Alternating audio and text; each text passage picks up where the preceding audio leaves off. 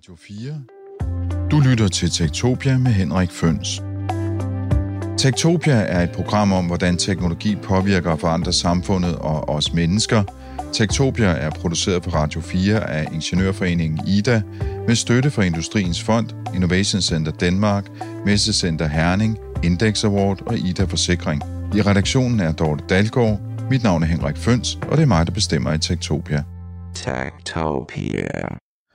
I den her udgave af Tektopia, der skal vi en tur ud i nettets afkroge, derude hvor kønskrigen den raser, den ligner mest af alt en borgerkrig mellem utallige grupperinger med hver deres mærkesag. Det er et landskab fuld af ja, for nogle mennesker mærkelige etiketter og udtryk, men det er en del af samfundet, som mange af os ikke lægger så meget mærke til i hverdagen, fordi det foregår digitalt på platforme, som mange af os faktisk aldrig rigtig besøger. Ja, måske ved vi ikke engang, at de eksisterer, men det gør de. Og det er især de yngre generationer, der lever derude i en verden af racisme, nynazisme, kvindehad og hvad værre er. Ja, det spreder sig faktisk til den virkelige verden. Det skal vi snakke om i dag. Jeg har tre gæster. Jeg har øh, Maja Kalke Lorentzen, der er rådgiver og forfatter, og du kommer fra noget, der hedder Cybernauterne. Hvad er det for noget? Cybernauterne er et kooperativ, som arbejder med digital sikkerhed og øh, forståelse, og så laver vi research af online subkultur.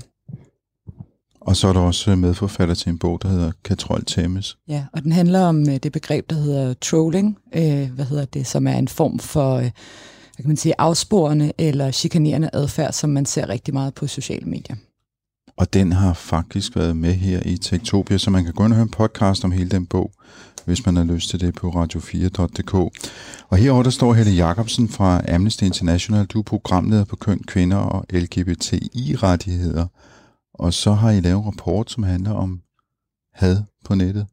Ja, Amnesty lavede i 2017 øh, omfattende research af både omfanget og konsekvenserne af online chikane og vold øh, i otte lande i verden, hvor Danmark var i dem. Du sætter online vold, det er simpelthen et begreb. Ja, det handler om, når man for eksempel modtager voldelige trusler eller trusler om voldtægt. Øh, så det vi ligesom kiggede på, var hvordan øh, nogle af de her voldsformer, som foregår i offline-verdenen, også manifesterer sig online, især mod bestemte grupper. Godt, det kommer vi til at høre mere om senere. Øh, sidste kvinde her i studiet, det er Josefine Dahl Christensen, og du er kandidat på film- og medievidenskab på Københavns Universitet, hvor du faktisk skriver speciale om sexisme i gaming. Mm, det er helt rigtigt. Øh, og jeg fokuserer især på Counter-Strike, øh, og jeg har talt med syv øh, kvindelige gamere omkring deres øh, oplevelser, øh, når de spiller Counter-Strike med mænd, hovedsageligt mænd. Du lytter til Tektopia med Henrik Føns. Josefine Dahl Christensen, du har jo en øh, personlige oplevelse, som du har haft i Counter-Strike øh, med de her ting, som jeg ved ikke, om det var den, der satte dig i gang egentlig med dit speciale, eller med tankerne omkring det. Øh, men den sætter en meget god ramme for, hvad det egentlig er, vi skal tale om i dag. Så øh, kunne du ikke fortælle din historie? Jo, det vil jeg gerne. Øh, og rigtig nok, så var det lidt den, der øh, tændte en ild øh, i mig. Øh, først var det selvfølgelig ikke en, en særlig god ild, men øh, det, det blev det. Øh, jeg spillede Counter-Strike, ligesom så mange andre gange, øh, og jeg gik ind i sådan en øh, random matchmaking, som det hedder. Så jeg gik ind og blev matchet op med nogen, jeg ikke kender. Øh, og det var så nogle spillere fra udlandet, øh, fire mænd, Øh, Øh, og undervejs i kampen, altså det gik rigtig godt, og jeg synes selv, at jeg spillede rigtig fint og så videre. Øh, og altså, der er altid sådan lidt tvivl fra mændenes side om, hvorvidt kvinder kan spille Counter-Strike eller ej. Men det viste sig så, at det kunne jeg godt, og det gik, helt gik godt. Og øhm, så lige pludselig så siger en af dem, vil du ikke lige stille dig over i hjørnet her? Jeg skal lige vise dig noget. Øhm, fordi at der er sådan nogle Øh, man kan booste hinanden, hedder det, hvor man kan stille sig op på en anden, en anden spiller, og så få et bedre udsyn til sine fjender. Øh, så jeg gik derhen, og så kommer de fire andre spillere og stiller sig rundt om mig øh, inde i spillet. Øh, og så står de og bevæger sig frem og tilbage på sådan en meget, altså det havde helt klart seksuelle undertoner, undertoner og jeg, altså, jeg, jeg begyndte sådan helt at ryste og, og fik det fysisk dårligt. Altså, jeg fik kvalme og øh, begyndte at svede, og altså, det var dybt ubehageligt. Jeg følte det som et overgreb, som trods alt øh, skete virtuelt, men det føltes som om, at jeg var der, fordi man lever så meget ind i, i spillet, når man, når man sidder der. og min umiddelbare reaktion var, altså, jeg frøs på stedet, og, og så sagde jeg til dem, sådan, hey, hvad, hvad laver I? Øh, og så var der en af dem, der bare grinede og sagde, om han, han foreslog det bare, fordi han aldrig får noget. Øhm, og det, altså, jeg havde ikke lyst til at, at spille øh, i dagene efter det. Øhm, men begyndte så igen, fordi jeg tænkte, altså, det skulle være mærkeligt, at jeg kom ud for det samme igen. Men det, det satte helt klart nogle spor i mig. Men det gjorde så også, at jeg havde lyst til at, at undersøge, hvor udbredt det her problem er. Og det, det vender vi tilbage til, hvad skal man sige, den akademiske del af det her, fordi jeg kunne godt tænke mig at spørge dig, Helle Jacobsen, øh, det som øh, Josefine beskriver her, er, er det, Øh, hvordan vil du betegne det? Nu snakker du om online vold før. Sådan en oplevelse hvad, hvad er det? Ja, det er svært at sige præcis, øh, hvad det er. Vi har ikke kigget på gamingkulturen, men det er i hvert fald en, øh, en form for chikane, fordi at øh, der jo bliver refereret øh, seksuelt øh, til chikane, øh, til øh, Josefine, når det hun faktisk forsøger på at gøre, er at deltage i et, øh, et spil. Øhm, og det var noget af det, som vores undersøgelse også viste, at øh, rigtig mange af de kvinder, som oplever den her chikane online, oplever de her øh, seksuelle referencer, men også øh, direkte trusler, for eksempel om voldtægt eller andre former for seksuel vold. Radio 4 taler med Danmark. I er jo ikke de eneste, der har kigget på det her, fordi Nordisk Ministerråd har i gang sat en undersøgelse af internetforer, hvor de kigger særligt på unge mænd, der opbinder hinanden til modstille, hvad som en modstand mod ligestilling og kvinders rettigheder, og de laver seksuelle krænkelser og vold osv. Og der er flere undersøgelser, som viser, at der faktisk øh, er kvinder i højere grad udsat for det her, end, øh, end mænd egentlig er. Men jeg tænker, Josefine, når, når du spiller det her spil, og, og nu afslører jeg, hvor, hvor lidt jeg spiller, fordi jeg tænker, Counter-Strike, det er sådan et skyd- og dræbspil, ikke? Som, som jeg har set, det er så dybest set bare to arme, ikke?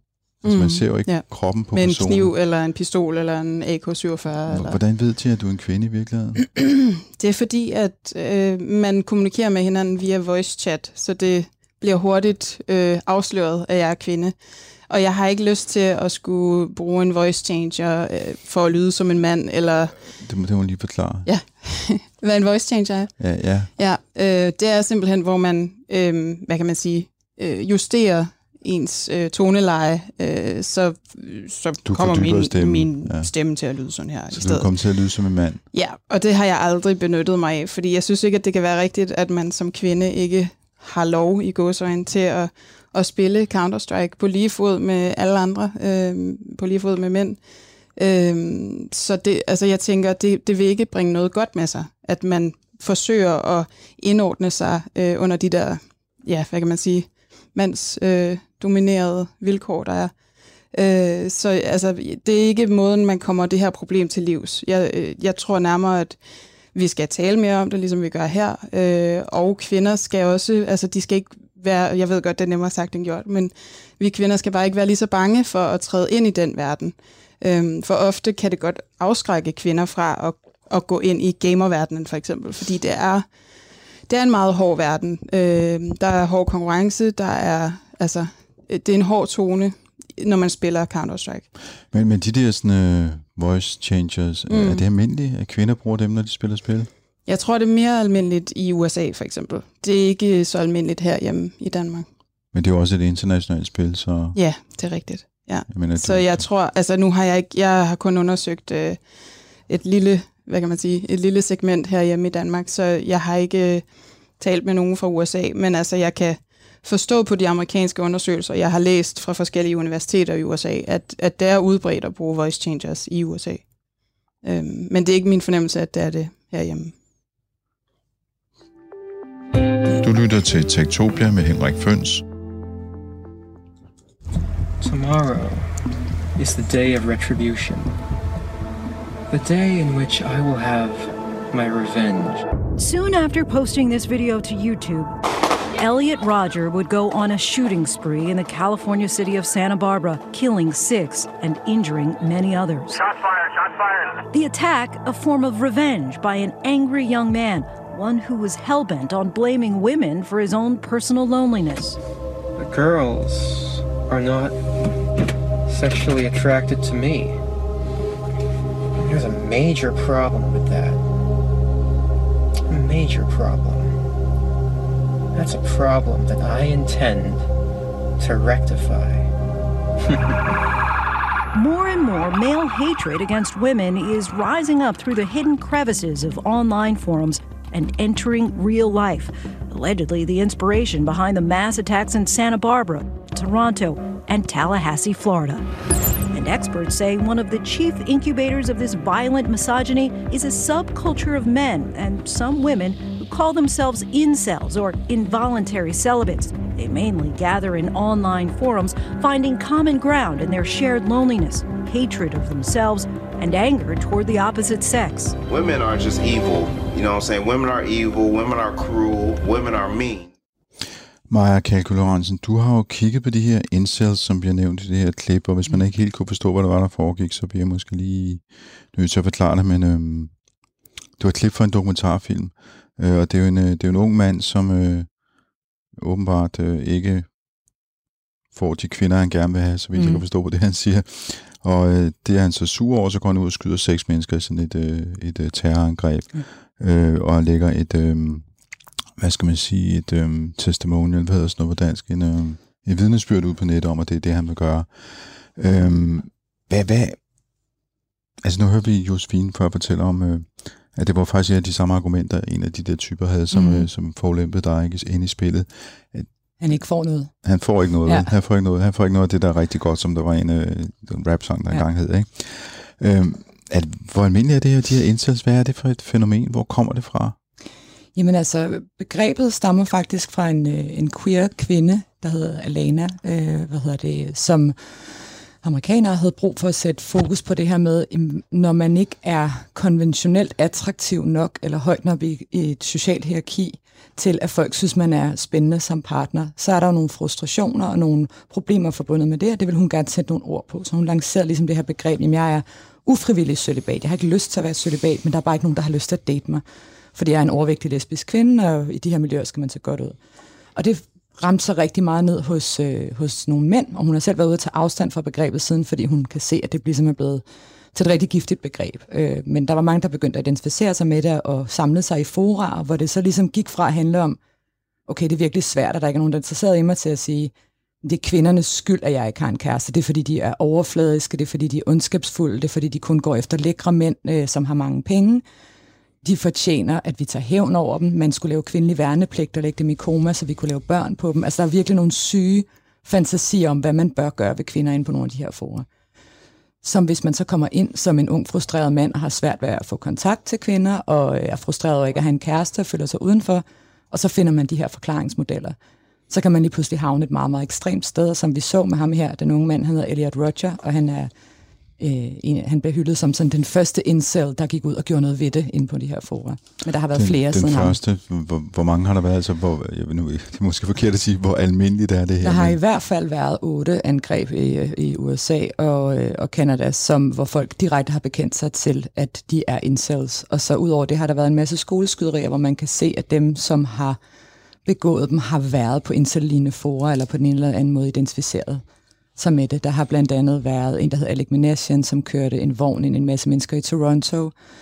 Der var en, der dræbte en, øh, en sexarbejder her for nylig, som blev øh, anklaget for, øh, for terror.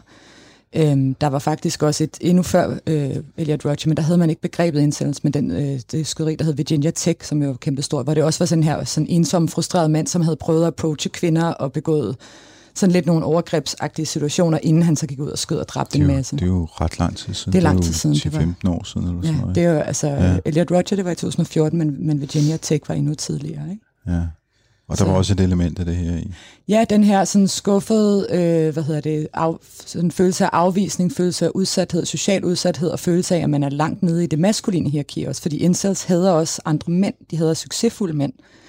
Mænd, der ser godt ud og er muskuløse og scorer alle damerne. Altså hvis man skal tage det uden for sådan et amerikansk kulturbillede, så er det jo ham der, kaptajn for fodboldholdet, og de er nørderne, og nu skal de tage hævn over en verden, som afviser dem, ikke?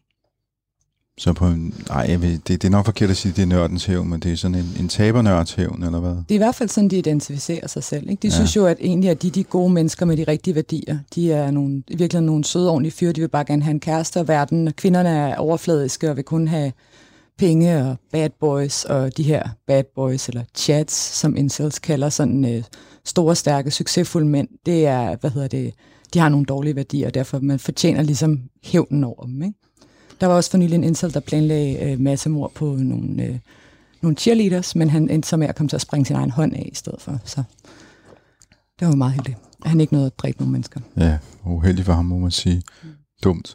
Øh, Helle Jacobsen, øh, du markerede lige med en finger. Jamen, jeg vil bare lige følge op på noget af det, Maja siger. Øh, det er jo virkelig voldsomt øh, at høre de her ting, fordi det er jo ude i det helt ekstreme.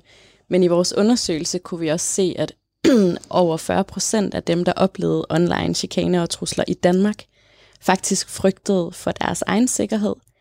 Øh, selvom de her trusler altså kom på nettet, øh, og en lidt mindre øh, del af dem frygtede endda for deres families sikkerhed. Øh, Øhm, så man kan sige, at da vi lavede vores undersøgelse i 2017, øh, ville vi gerne vise omfanget af det, fordi det var lige sådan, da, da man begyndte at snakke rigtig meget om øh, online chikane og vold. Øh, så det var ligesom vores ærne at vise, at det her det faktisk findes. Øh, at det også er en menneskerettighedskrænkelse, fordi at øh, for det første øh, er det jo, vi kiggede på kvinder og minoriteter, og det er jo ikke fordi, at øh, alle mennesker og alle køn oplever jo online chikane, men vi var interesseret i at kigge på det mere kønsmæssige aspekt af det, altså om de ting, vi ser i offline-verdenen med voldtægt og vold mod kvinder, om det også manifesterede sig på samme måde online. Øhm, så udover at folk altså frygtede for deres fysiske sikkerhed og for deres øh, familie og venners sikkerhed, når de fik de her trusler,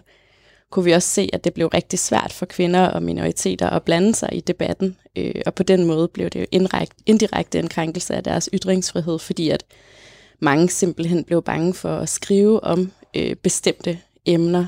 Øh, og hvis man kigger på selve konsekvenserne af det, øh, så var der også rigtig mange, der oplevede øh, traumereaktioner, som man ville gøre ved overgreb i off- offline-verdenen. Øh, hæfter mig også ved, at du siger, at du følte, det var et overgreb, og det er også det, vi ligesom kan se på de her resultater, hvor folk får panikanfald, angstanfald, søvnproblemer, social angst, øh, bange for at gå ned i netto og handle, øh, og hvad det nu ellers kunne være. Øh, så det er jo virkelig beskæmmende at høre fra Maja, øh, at en gruppe så ekstrem som incels også ligesom er en voksende gruppe. Josefine Dahl, når, når du så bevæger dig ind i de her spil, og du ved, der findes incels, er dem, den du faktisk går ind og spiller med, øh, for at have det sjovt og hyggeligt. Mm. Det er sådan nogle typer. Hvad, hvad tænker du?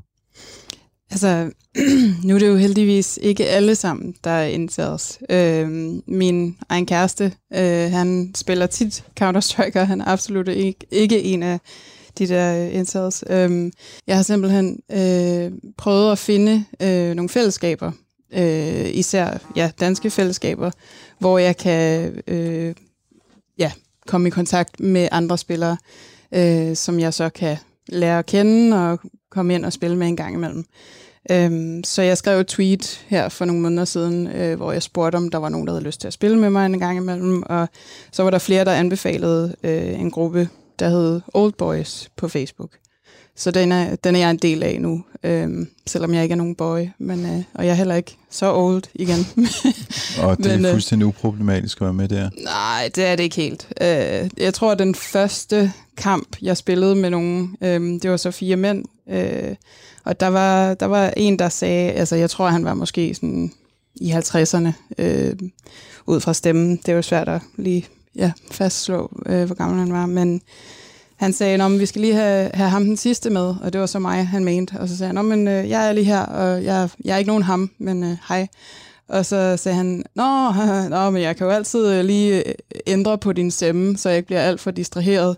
Og så tænkte jeg bare, altså hvad skulle det til for? Han mente sikkert ikke noget, noget negativt med det, men jeg synes bare, det er irriterende at blive mindet om hele tiden, at jeg er kvinde, og jeg er anderledes på en eller anden måde i det der miljø. Øhm, for jeg vil gerne bare hygge mig og have det sjovt i Counter-Strike, ligesom alle de andre. Du lytter til Tektopia med Henrik Føns. Du lytter til øh, Tektopia. Det handler i dag om kvindehad på nettet, og jeg har gæster på besøg. Helle Jacobsen fra Amnesty, Josefine Dahl Christensen, der laver speciale om øh, sexisme i computerspil, og så Maja Kalke Lorentzen, der er rådgiver, forfatter og arbejder for Cybernauterne. Maja, du var godt i gang med før at, at kortlægge det her landskab. Vi havde gang i Incels, som jo er decideret kvindehader, og blandt Mm. andet nogle af dem, som måske går ud i virkeligheden og slår folk ihjel decideret. Men kunne, kunne du tegne lidt sådan et, øh, et overblik over, hvad, hvad, er det for et, øh, hvad er det for et landskab? Altså fordi, jeg, som jeg har forstået det, så er der mange forskellige grupperinger. Mm. De holder til forskellige steder, de mm. diskuterer på forskellige måder, og det er ikke alle sammen, der går ud og bliver voldelige i virkeligheden. Nej, og det kan man jo også sige, det er heller ikke alle incels, der går ud og bliver voldelige. Altså, nogen finder også bare et fællesskab, hvor man sidder og snakker. Øh, og mange af dem kommer jo, fordi de har nogle reelle problemer, men problemet ved at komme derind er, at man så får en forklaringsmodel, der hedder, det er kvindernes skyld. Øh, du har ret til at forvente, at øh, der er en kvinde, der skal være din kæreste, øh, og, øh, og det vil være løsningen på dine problemer, hvilket jeg jo ikke synes er løsningen på nogle af de problemer, de, øh, de udpeger, som ellers er reelle nok. Men, men incels øh, indgår i et landskab, som vi kalder manusfæren, eller the manosphere på engelsk. Og manusfæren er ligesom en, en vidt forgrenet, øh, et vidt forgrenet miljø af blogs, øh, internetsider, forskellige grupper, forskellige server rundt omkring, som beskæftiger sig med køn og maskulinitet, primært er, hvad hedder det, er befolket af mænd, øh, definerer sig som en modsætning til feminisme. Altså man er, man er meget kritisk eller decideret antifeminist, nogle gange også anti-ligestilling. Øh, og så har man en meget øh, sådan, øh, hvad kan man sige, øh, traditionel opfattelse af køn. Altså køn er biologisk, der er kun mænd og kvinder, og de er dybt forskellige. De kan nogle forskellige ting, og det skal de også. Og det er sådan en generel opfattelse af, at moderne ligestilling har ødelagt den her balance mellem kønnene. Det forhindrer kvinder i at være rigtig kvinder og feminine, som de skal, og det forhindrer mænd i at få lov til at være rigtig mænd, og det undertrykker ligesom mænd til fordel for kvinder, men det er også synd for kvinderne, at de skal sådan ligesom være for maskuline. Og der er så nogle forskellige grupper inden for de her miljøer, som faktisk samtidig er ret uenige. For eksempel er der en gruppe, som ikke har så super meget indflydelse længere, men der, de findes stadigvæk, og det er dem, der hedder pick-up artists. Og ham Elliot Roger, vi hørte om tidligere, ham der gik ud og skød en masse mennesker, han havde været på et pick-up artist kursus, hvor han skulle lære at score. Det var ikke lykkedes ham. Så det er Så- simpelthen det, det er sådan et, det er et scorekursus. Ja, et af de allerførste incel sites var faktisk en hjemmeside, der hed Pickup Artist Hate, altså hvor man gik ind og hatede på de her, øh, hvad hedder det, scorekursus coaches, fordi de ikke havde virket for en. Fordi sjovt nok kan du ikke nødvendigvis lære ikke at være øh, mega social akavet, eller super kvindehedende, hvis det var det, der var hans problem. Jeg ved ikke, hvorfor folk ikke var tiltrukket af Elliot Rodgers specifikt. Det kan også være, at han bare var et røvhul. Vi ved det ikke. Øh, hvad hedder det? Øh, men, men der er ligesom mange, der blev enige om, jeg har prøvet de her scorekurser, det virkede ikke for mig, så nu øh, går jeg ud og bliver incel. Så der er ligesom, pick-up artists, de synes også, at mænd og kvinder er meget forskellige, og der er ligesom, øh, der er nogle knapper, du kan trykke på for at score kvinder, og hvis du lærer dem, så kan du få alle de kvinder, du gerne vil have. Og du skal være sådan en alfa. Så er der dem, der hedder Men's Rights Activists, som er mere en politisk bevægelse, der definerer sig i modstand til feminisme, og tager de her klassiske kvindesagsmærkesager, for eksempel krisecentre, vold mod kvinder, så går man ud og prøver at modbevise, om der er ikke vold i hjemmet, eller mænd bliver udsat for lige så meget vold i hjemmet, eller krisecentrene er noget, som kvinder bruger for at få forældremyndighed i skilsmissesager, er også nogle af de debatter, som vi også har set herhjemme. Så man kalder det manderettighedsaktivisme, men når man så spørger, hvad de reelt proaktivt gør for mænds rettigheder, øh, så er det ofte mere et modsvar til øh, sådan feminisme og, og kvinderettigheder. Så er der også dem, der hedder MGTOWs. Det står M-G-T-O-W. Ja, der er mange. Vi er rigtig nede i kaninhullet her, ikke? Undskyld. Det står for Men Going Their Own Way. Og de har sådan en, en blanding af de her analyser, som de andre også har, at, at jamen, altså, kvinderne har overtaget samfundet, feminismen har ødelagt balance mellem kønnene, så øh, nu gider vi ikke øh, have noget med kvinder at gøre, indtil I ligesom kommer til fornuft. Og det er ud fra en idé om, de siger, det er jo mændene, der har oprettet, startet civilisationen, det er også der er fornuften og logikken. Så hvis mænd melder sig ud af samfundet, så kan de se det kollapse, og så vil kvinderne bede os komme tilbage og spille den rolle, vi gerne vil. Og MGTOWs, især i Australien, er det en ret stor gruppe, de er blevet knyttet an, for lige at komme tilbage til det, Helle siger, til rigtig meget koordineret digital chikane af feminister, af forskellige kvindegrupper, af forskellige minoritetsgrupper. Så det er en ting, de praktiserer. Digital chikane af deres politiske modstandere. Det er sjovt, Det, det altså. kan være, at du kan Ja. supplere der så lidt, Helle. ja, altså det man i hvert fald kan sige, det vi så med meget af det, vi undersøgte der tilbage i 2017, var, at rigtig mange af de her chikanerende og truende beskeder udelukkende havde det formål at nedgøre og intimidere. Øhm, altså gøre folk bange eller få folk til at trække sig fra debatten. Øhm, fordi det gik ikke på indholdet. Det handlede ikke om, øh, som Maja siger, hvis man for eksempel var i gang med at diskutere ligestilling eller feminisme eller antiracisme eller hvad det nu kunne være, men Det handlede i stedet for om, at man var en kvinde, eller man var en transkvinde, eller man var en muslim. Øhm, og på den måde øh, går det jo ind og rammer folk direkte på øh, deres identitet. Og det man kan sige, det er, at internettet er et godt sted, fordi at det kan give adgang til demokratisk inddragelse og debatter og organisering på en måde, vi ikke har set før. Men på samme måde kan had og trusler og chikane også sprede sig virkelig, virkelig hurtigt og komme ind i ens privatsfære. Ikke? Man kan sidde i sin sofa, og lige pludselig har man måske modtaget 300 trusler. Øh, så på den måde bliver det også virkelig, virkelig voldsomt. Øh, vi interviewede faktisk også både folketingspolitikere og kommunalpolitikere her i Danmark, øh, kvindelige, og stort set alle øh, havde også modtaget trusler øh, og chikane på forskellige niveauer, og en stor del af dem øh, censurerede sig selv og undlod, simp- undlod simpelthen at gå ind i debatter om specifikke emner, fordi de simpelthen fik det dårligt af det. Så igen, ytringsfriheden den blev knægtet, kan man sige. Ja, og så altså, er det jo også kønsdiskrimination, øh, når man mm. direkte rammer øh, folk, fordi de er kvinder eller andre øh, identiteter, øh, homoseksuelle eller hvad det nu kunne være. Du lytter til Tektopia med Henrik Føns. Maja Kalke Lorentzen, vi skal videre i vores liste. Du har, jeg ved, du har mere.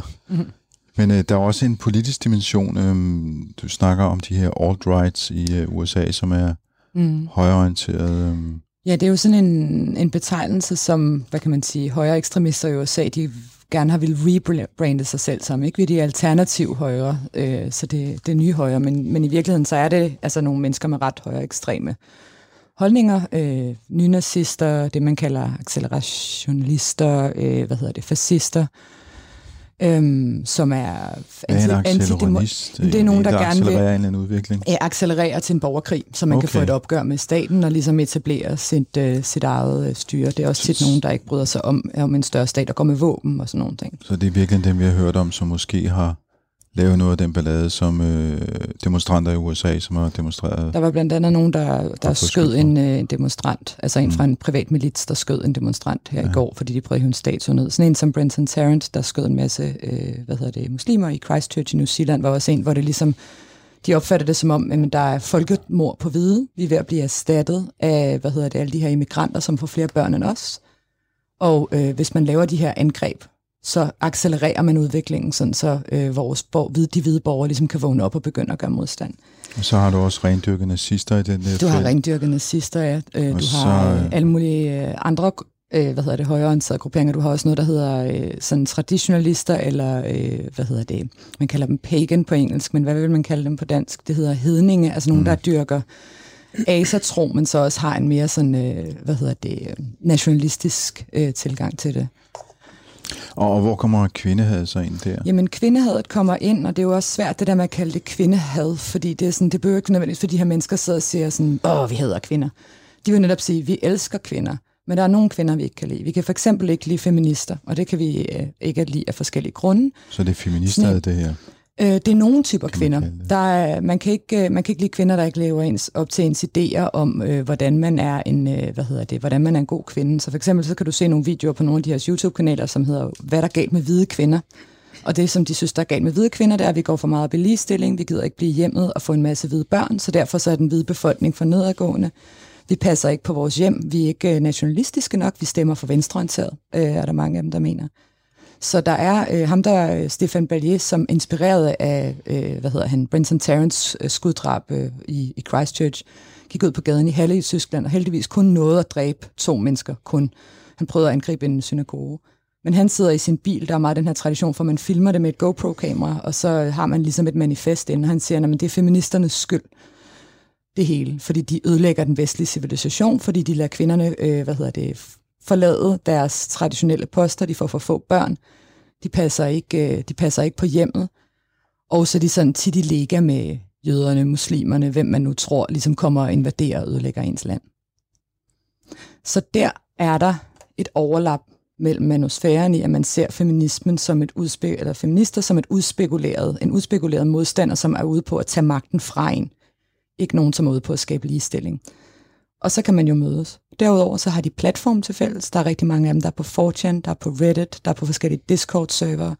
Så når man ligesom overlapper og begynder at sige, at Gud, I kan heller ikke lide dem her, eller man deltager måske i en fælles chikanekampagne af en feminist, så kan man se, hvordan mange fra unge mænd fra manusfæren glider over i nogle højere ekstreme fællesskaber. Øh, hvis du lige kort kunne, øh, det er jo ikke fordi, det skal være et kursus i digitale platforme, lige sådan, hvad, hvad er det for nogle platforme, dem der? Hvorfor tiltrækker de sig den her type debat? Jamen altså, der er, jo, der er jo virkelig mange forskellige platformer. Jeg tror også, det er vigtigt at forstå, at det jo ikke er platformen i sig selv, som gør det, men platformene kan være gode til det, fordi du for eksempel kan være anonym, du kan møde folk, apropos det Josefine snakker om med Counter-Strike, du kan møde folk fra hele verden. 4 er det, der hedder et imageboard, som ser sådan ret gammeldags ud. Du kan poste ting anonymt, det bliver slettet igen efter noget tid. Og det er et super godt sted at, øh, at have det sjovt, at finde, øh, finde interessant internetindhold med billeder af det, man kalder memes, som er sådan en slags internetvidigheder, hvis man skulle forklare det at have diskussioner, men det er lidt gået hen og blevet et meget højere ekstremt forum, hvor du ligesom godt kan sige de ting, som du ikke vil sige i en anden kontekst, fordi så vil folk kalde dig racist. Der er meget, meget lidt øh, moderation, der er meget, meget lidt censurering af det. Der er faktisk noget. Der er også nogle af de der steder, der er blevet lukket. Men så kan du også møde ligesindet fra resten af verden øh, og dele dine interesser. I starten var det måske mere nogle popkulturelle interesser om, hvad kan du godt lide på internettet og computerspil, men så begynder man også at snakke politik. Øhm, og så bliver det ligesom øh, overtaget af det. Øh, nu har du jo nævnt, øh, du nævnte det der med, øh, med GoPro-kameraet før. Da jeg så ham i Halle, mm. han filmede det, han gjorde. Ja. Den måde, han har gjort det på, det lignede faktisk sådan et uh, first-person shooter game, som det, du spiller, Josefine Dahl. Mm. Øhm, og der er, jo, der er jo en eller anden sammenhæng her med gamermiljøet.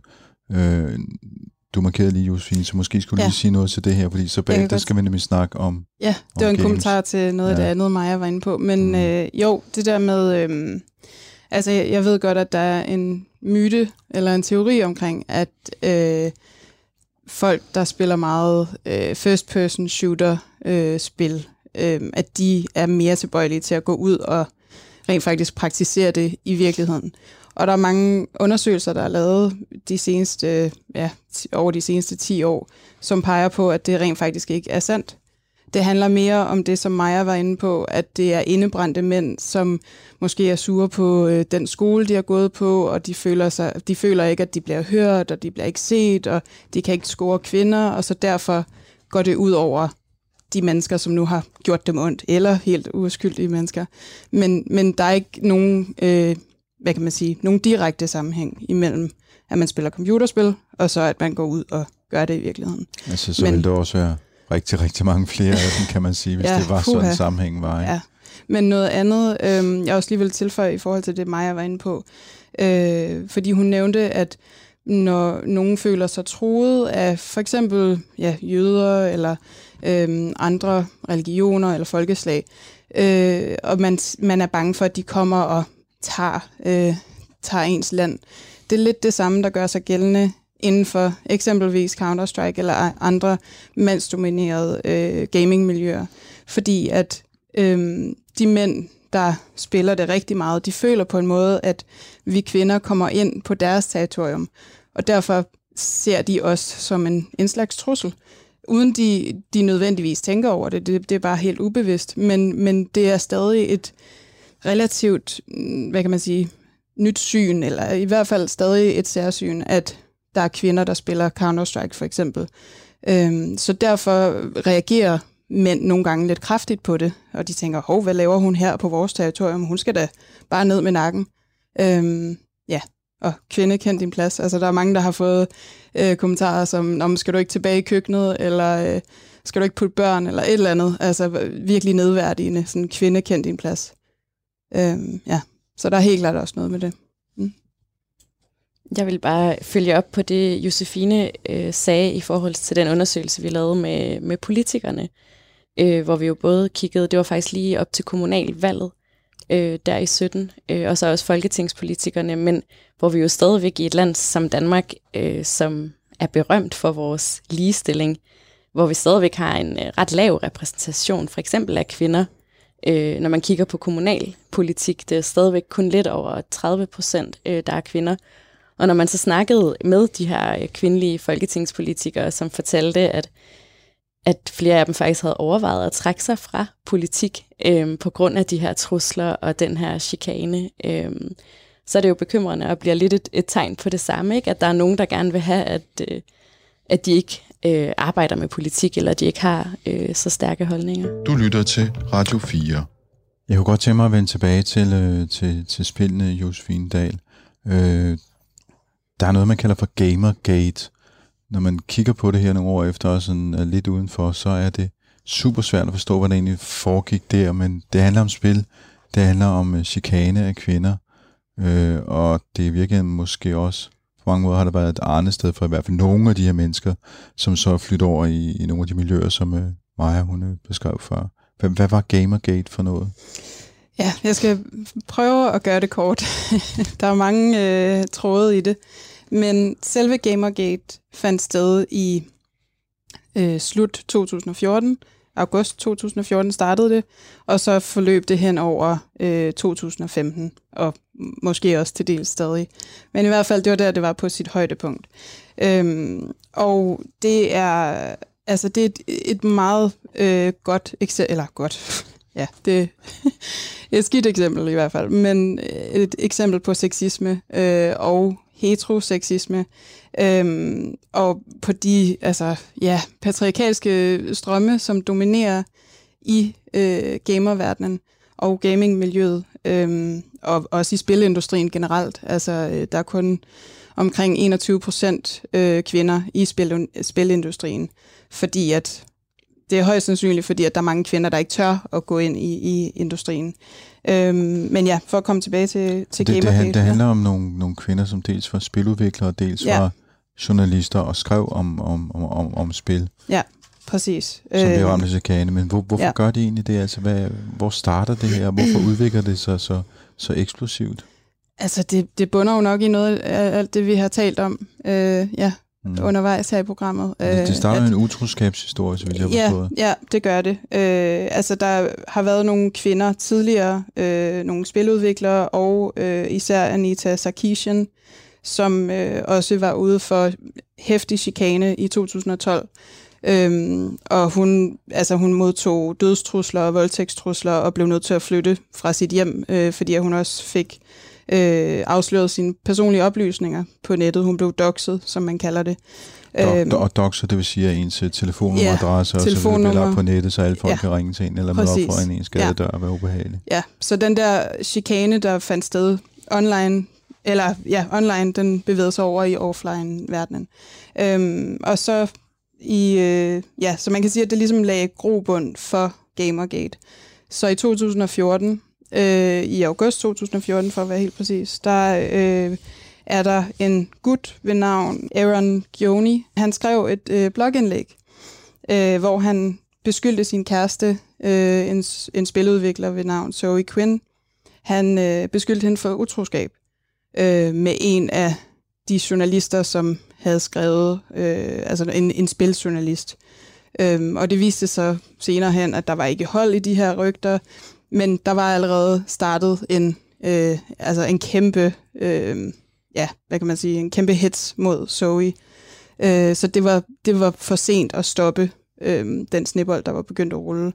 Så hun, altså, hun har også været igennem noget af det samme som Anita Sarkeesian med doxing og dødstrusler og voldtægtstrusler osv. Så, øhm, så ja, det, det var meget en hæftig omgang for mange mm. kvinder. Men, men og nu siger du for mange kvinder, altså det er, ja. Maja Kalke, det, det er jo noget, der spreder sig, ikke? Altså ind i andre, i andre hvad skal man sige, på, på, på nogle af de andre platforme, som du nævnte Jo, man før. kan sige, det var en, en chikane-kampagne, der som Josefine beskriver, løb over nogle år. Altså inden selve Gamergate, så havde hende journalisten Anissa Sarkeesian lavet en række videoer, hvor hun sætter spot på, hvordan portrætteres kvinder i computerspil. Så render de meget tit rundt i bikini og skal reddes. Øh, hvad er, hvad er det for nogle kvinderoller, vi har i computerspil? Og grunden til, at der er mange, der bliver så trigget af det på en eller anden måde, når de godt kan lide computerspil, er jo, at man er inde og pille ved noget, som de rigtig godt kan lide, men når man ligesom sætter det op og siger sådan, hey, kan du ikke godt se det, måske er lidt nederen, så så gør det ligesom lidt for ondt. Øh, man taler også om noget, der hedder protective fandom inden for, øh, for det her. Altså øh, ligesom at nogle Star Wars-fans ikke vil have, der skal lave Star Wars på andre måder end dem, som de har set, da de var barn, fordi det er sådan her, det er. Og sådan tror jeg også, der er rigtig mange af de her mandlige gamere, der har det. Du skal ikke pille ved de afklædte kvinder i min computerspil. Du skal ikke komme ind og forvente, at jeg taler på en anden måde på spilserveren og ikke bruger sexistiske udtryk, bare fordi du er her. Det er ligesom sådan, der er en eller anden form for glædesdrab ved, at der kommer nogen, man skal tage ekstra hensyn til, man er ikke vant til at skulle rumme dem og tage hensyn til dem. Så der er ligesom... Det, det er ligesom den gamle med, hvis du ikke kan lide lugten af bageriet, Ja, så... lidt, ikke? Og skal jeg nu også gå. til, og må jeg nu heller ikke sige de her små racistiske vidtigheder, fordi der sidder mm. nogle brune mennesker, og det, det er besværligt at tage hensyn til folk, man ikke er vant til at tage hensyn til. Det er besværligt at rette sit sprog ind, så man skal være rummelig. Det er derfor, man taler om sådan et, et glædesdrab. Ikke? Det, åh, det er bare lige lidt bøvlet. Og det gør så, at da Gamergate ruller, så er der rigtig, rigtig mange folk, der elsker computerspil, som føler sig trådt over tæerne. De har jeg har selv siddet og snakket med flere fyre, som var med under Gamergate, og det var også sådan, de kan jo godt se nu senere, sådan, hun havde jo egentlig ret, jeg kan da godt se, hvad hun siger. Jeg kunne bare slet ikke høre det, fordi jeg vil ikke have, at det, jeg elsker at lave, bliver kritiseret, og jeg på nogen måde skal have en lille smule en dårlig fornemmelse i maven, når jeg går ind og gør de ting, jeg er vant til at gøre. Så de hoppede med på bølgen i stedet for, og begyndte at være rigtig kreative med, hvordan man kunne chikanere de her folk. Skal vi ændre hendes Wikipedia-side? Skal vi oversvømme hendes YouTube-kanal med negative kommentarer? Skal vi sorte hende, som det hedder? Det betyder, i USA kan man anonymt ringe til politiet og sige, at der er nogen, der har stoffer i på den her adresse. Og så kan du regne ud, hvordan amerikansk politi med militærudstyr går ind i et hus. Ikke? Så det er heldigt, at der ikke er nogen, der døde af det nu, for eksempel. Mm. Og der udvikler man så ligesom både nogle chikanemetoder, men kommer også på nogle platforme, hvor man koordinerer det, hvor der er nogle andre grupper, der er. Så man kan se, at Gamergate har rekrutteret unge mænd ind i alt-right. Og alt-right bruger nogle af de her øh, metoder, og chikanekampagner er også noget med at lave misinformationskampagner og netop overtage Wikipedia eller sprede falske nyheder om deres politiske modstandere. Det er nogle metoder, som vi kan se, der er, med i, øh, i valgkampen i 2016. Den her måde at bruge memes på om folk og sådan nogle ting. Så ja, der er, der er et overlap. Nu snakker vi USA her. Er det noget, vi ser andre steder? Om vi Kend, ser, Kender vi til eksempler i Danmark, for eksempel? at, at, øh, at folk bliver chikaneret. Chikaneret på den måde, og det, hvad skal man sige, det spreder sig til den fysiske verden.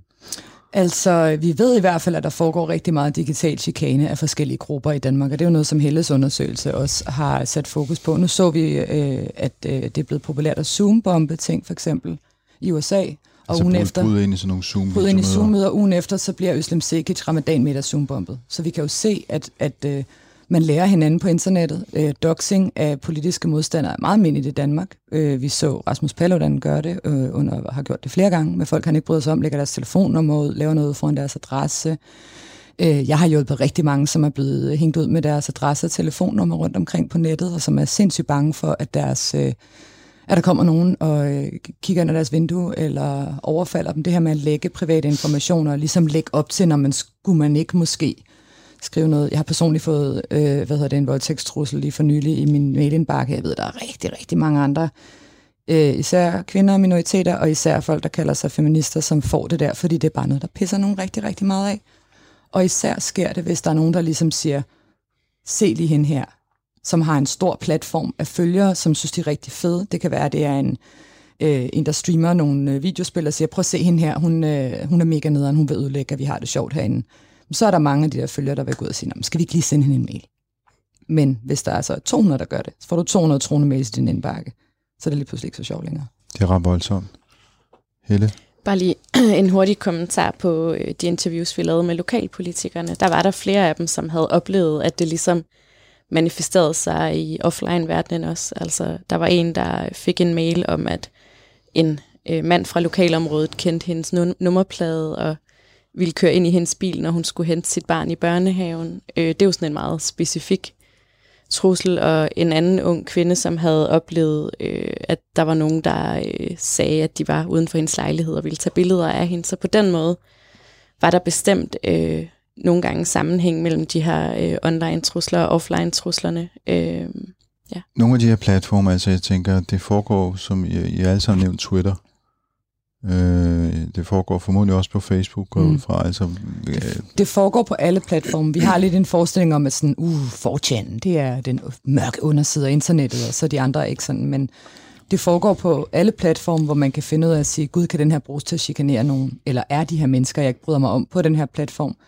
Så kommer jeg og blander mig i deres Instagram, eller i deres Twitter direkte beskeder, eller på hestenettet, eller wherever, øh, der nu er nogen, som man gerne vil chikanere. Så det er ikke noget, man kan sige sig fri for på, på særlig mange sociale medieplatforme. Måske der er helt nyt og spædt. Øh, og generelt så er min kommentar bare, at de er virkelig, virkelig dårlige til at moderere og fjerne de her ting. Og det er virkelig svært at klage og få gjort noget ved det, men det kan Helle sikkert sige meget mere om, fint sikkert også. Ja, altså det var præcis det, som vores undersøgelse der i 2017 viste, at øh, de fleste af dem, vi interviewede, som, øh, eller som var med i vores survey, øh, øh, havde haft rigtig svært ved at få både øh, platforme som Facebook og Twitter øh, og andre platforme til at fjerne. Øh, det kunne være trusler, det kunne være transfobiske kommentarer, øh, men med nogle af de her chikanerende indlæg, at det var virkelig, virkelig svært. Øh, og der var også flere, som følte, at de havde svært ved at få politiet til at tage det alvorligt, øh, hvis de forsøgte, forsøgte at anmelde det. Og det er jo selvfølgelig en undersøgelse i otte lande, så det er svært at sige specifikt, hvordan lige præcis den del så ud i Danmark. Men det, der var med Danmark, var, at i mange af de andre lande var Twitter faktisk øh, en af de platforme, der virkelig bongede ud på trusler og chikane, men øh, i Danmark er der virkelig få, der bruger Twitter. Så der kunne vi ikke få nogen sådan rigtig troværdige tal på Twitter, men der var der tværtimod øh, en stor del af de kvinder, som færdedes på Facebook, som oplevede chikane øh, og, og trusler der. Og øh, det undrer mig jo lidt, fordi der, der opererer man jo under sit eget navn. Så de mennesker, der chikanerer, de har jo navn og billede på. Ja, Men der, de har en decideret falsk profil. der må jeg nok stille over til Maja, for det tror jeg, hun har mere, øh, eller Josefine har mere styr på, fordi vi kiggede ikke så meget på, hvem er det, der kommer med truslerne, øh, og, og hvorfor kommer de med her, de, de her trusler. Vi kiggede mere på, hvad er det for nogle trusler, hvem er det, der modtager dem, og hvordan påvirker det modtageren. Det Ja. Josefine. Ja, jeg kan godt øh, lige tilføje lidt der. Okay. Øh, her på det sidste, ja, jeg griner lidt, fordi jeg, jeg har været øh, ja, udsat for lidt af hvert her på det sidste øh, på Twitter. Øh, jeg kan meget godt lide at ruske op i folk og tale om tabubelagte emner, øh, psykiske lidelser, øh, ja, sexisme for den sags skyld, øh, og bare alle mulige sådan lidt, øh, ja, tabubelagte emner. Øh, fordi jeg synes, at det er rigtig vigtigt, at man taler højt om tingene. Øh, og det medfører, at jeg øh, ja, gang på gang bliver kontaktet af x antal trolls. Øh, de fleste af dem med anonyme profiler, intet navn, øh, et, et billede af en and eller et eller andet. Øh, så man kan ikke, der er ikke rigtig noget at gøre. Jo, jeg kan anmelde deres tweets til Twitter, hvor der sjældent sker noget, øh, eller jeg kan melde dem til politiet, men ja, altså, man aner jo ikke, hvem afsenderen er, fordi at det er en anonym profil, så hvordan skal man finde frem til vedkommende? Øhm, jeg har også prøvet at blive hængt ud på diverse øh, profiler, hvor der er blevet taget screenshot, øh, screenshots af mine tweets, og hvor de så begynder at, øh, hvad kan man sige, digte en ny historie ud fra det, jeg har skrevet, øhm, og så kan de så sidde og håne mig der, og ligesom klappe af hinanden, og sådan, ja, yeah, og, øh, hun er bare skør, og øh, alt sådan noget. Og det er primært mænd. Stort set mænd. Og ellers så er der øh, kvinder, som man kalder pick me girls, øh, Hvad, som hvad, er det, udøver. hvad er det for nogen? Jamen, det er, det er kvinder, som øh, udøver interna- det, man kalder internaliseret misogyni. Det er nogle svære ord. Men øh, det er, hvad kan man sige, det, det er sat på spidsen af det kvinder, der hader kvinder.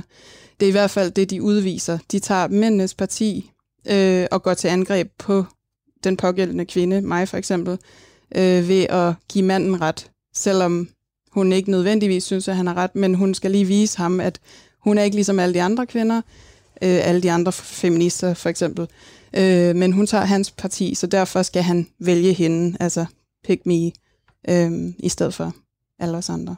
Så der findes faktisk også kvinder, der har de her holdninger Ja. og angriber andre kvinder. Ja, ja. Det er sådan en gruppe, vi ikke har snakket om endnu. Vi har ikke så lang tid tilbage med mig. Kan du, kan du lige kort runde den? Uh, jamen der er, for det første er der, er der masser af kvinder, som er enige med nogle af de her grupperinger. Der er også, øh, der er også kvinder, der stadigvæk er i at De kalder sig femcells nu.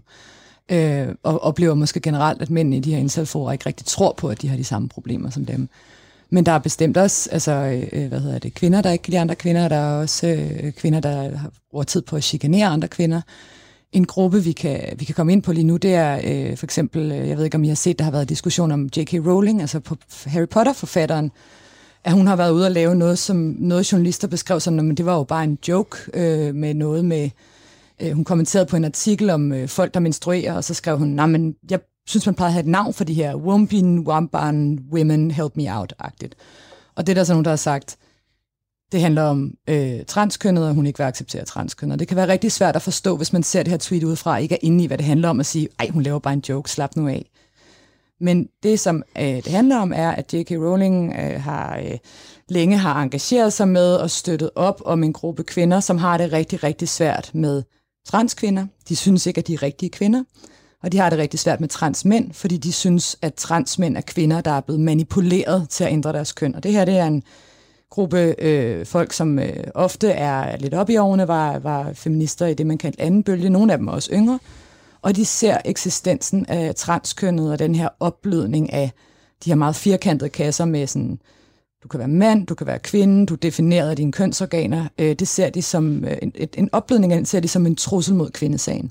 De føler, at det, det, det udsletter dem på en eller anden måde. Så de laver, øh, de laver også relativt meget sådan øh, chikane af specifikke øh, transaktivister. Der har så også været chikane tilbage af J.K. Rowling for at være ude og sige det her. Øh, hvad hedder det? Øh, så det er, det er et shit show, og der er masser af kvinder, der deltager i, øh, i forskellige former for chikane i den her sammenhæng.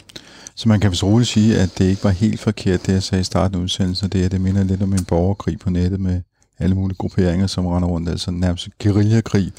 Til aller, aller sidst, vi har meget kort tid tilbage, jeg kunne godt lige tænke mig, at I måske alle tre lige gav jeres bud på, hvis man bliver chikaneret som kvinde, på nogle af de måder, som jeg snakker om i dag, hvad er en god strategi? Hvad skal man gøre?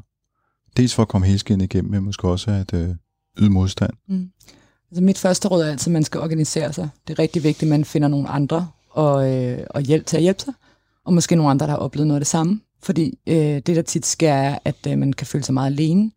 Øh, ofte vil man opleve, at ens venner har lidt svært ved at gå ind i det, fordi de er bange for, at de bliver udsat for det selv, eller de ved ikke, hvor vigtigt det er at gå ind og forsvare andre, og så kan man føle sig rigtig alene og udsat. Så det med at finde nogle andre mennesker, man kan snakke med det om, og måske modorganisere sig.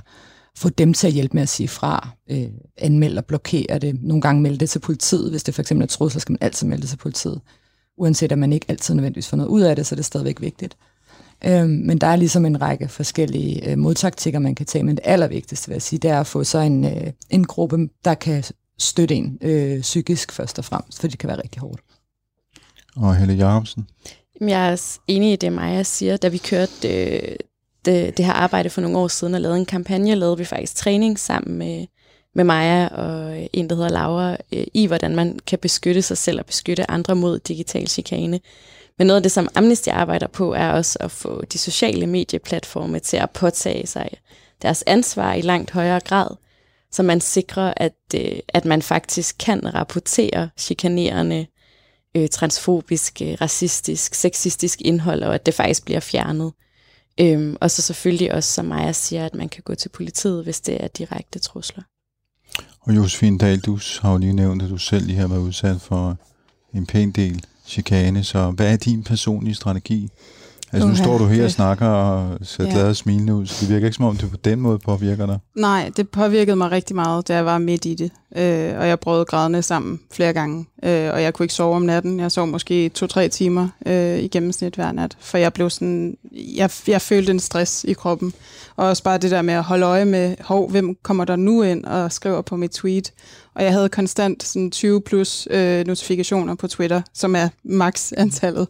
Og det stressede mig virkelig, virkelig meget. Så det endte med, at jeg gjorde min profil privat. øh, og i øvrigt har jeg også adresse, adressebeskyttelse. Det har jeg haft i lang tid øh, af andre årsager. Øh, men bare altså det der med at beskytte sig selv og gøre, gøre sin profil privat, det synes jeg kan rigtig meget, fordi så lige pludselig stillede det af, og jeg kunne sove igen og trække vejret dybt i maven. Øhm, det, det var i hvert fald det, der virkede for mig, og så talte jeg også rigtig meget med min kæreste om det, øh, og jeg lagde telefonen fra mig øh, nogle gange, hvor han sagde, at jeg skal nok holde øje med, om der kommer nogle øh, ubehagelige beskeder eller et eller andet, øh, sådan så jeg kunne få lidt ro i, i sindet.